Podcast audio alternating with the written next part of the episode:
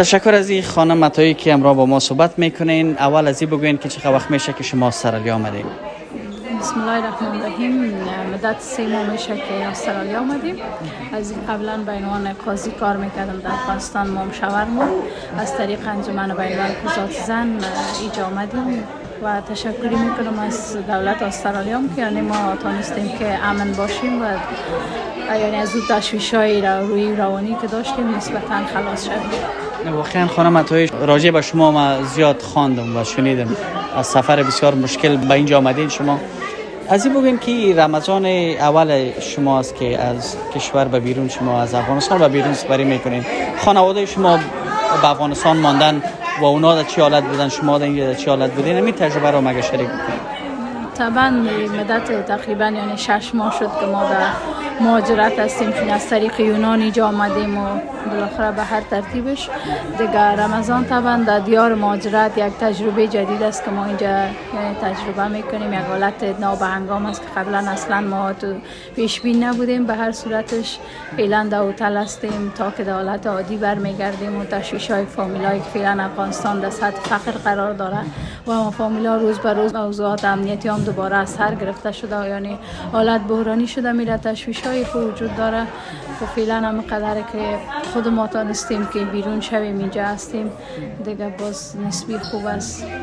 شما از اینجا در استرالیا از خانواده یا خیشاوند دارین؟ اینجا همراه شوهرم و تفلکای آمدیم دیگه خیشاوندایی نداریم. دیگه فامیلا مادرم همشیرامگی افغانستان هستن. اونا طبیعی است که شما برشان به تشویش هستین که اونا بیان. چقدر خوشبین هستین که اونا هم به جای امن انتقال بیابند. چون در ابتدایی که موضوع تخلیه مطرح شد آیبی قرار بود که اسم مادر ما یعنی خودش فعلا در پوهنتون درس میته و وکیل مدافع بود قرار بود تخلیه امرای ما شامل شوه و یک case number استرالیا رو برشان دارم. به اون لحاظ یک دلخوشی در ارتباط case number. اما ازی که مدت پنج ماه شد یعنی نداشتم راهنمایی که برام راهنمایی کنه چگونه تعقیب میشه. تعقیب نکردیم با حالت خود مانده.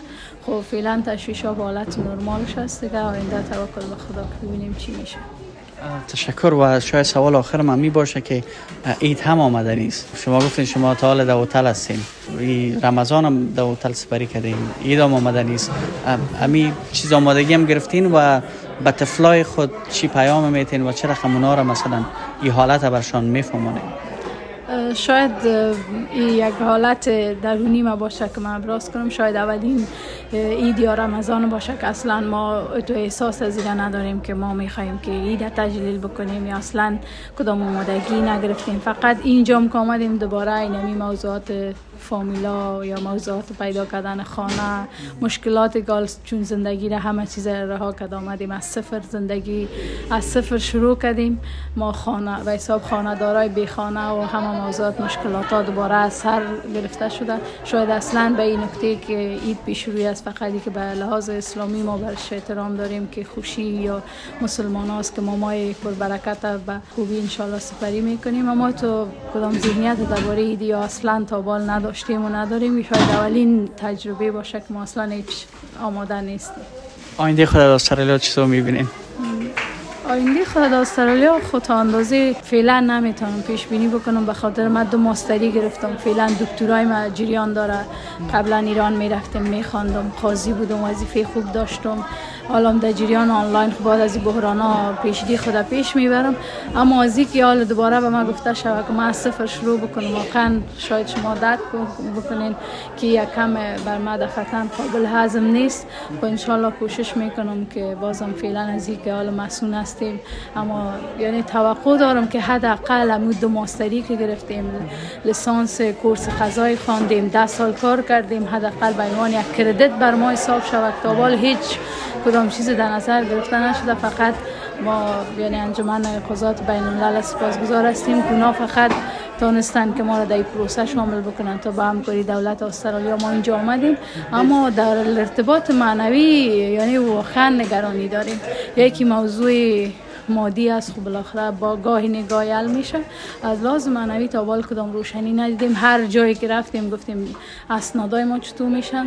تا بال هیچ کس به ما نظر یا رانمایی نکرده و اون تو حالت معلق مانده.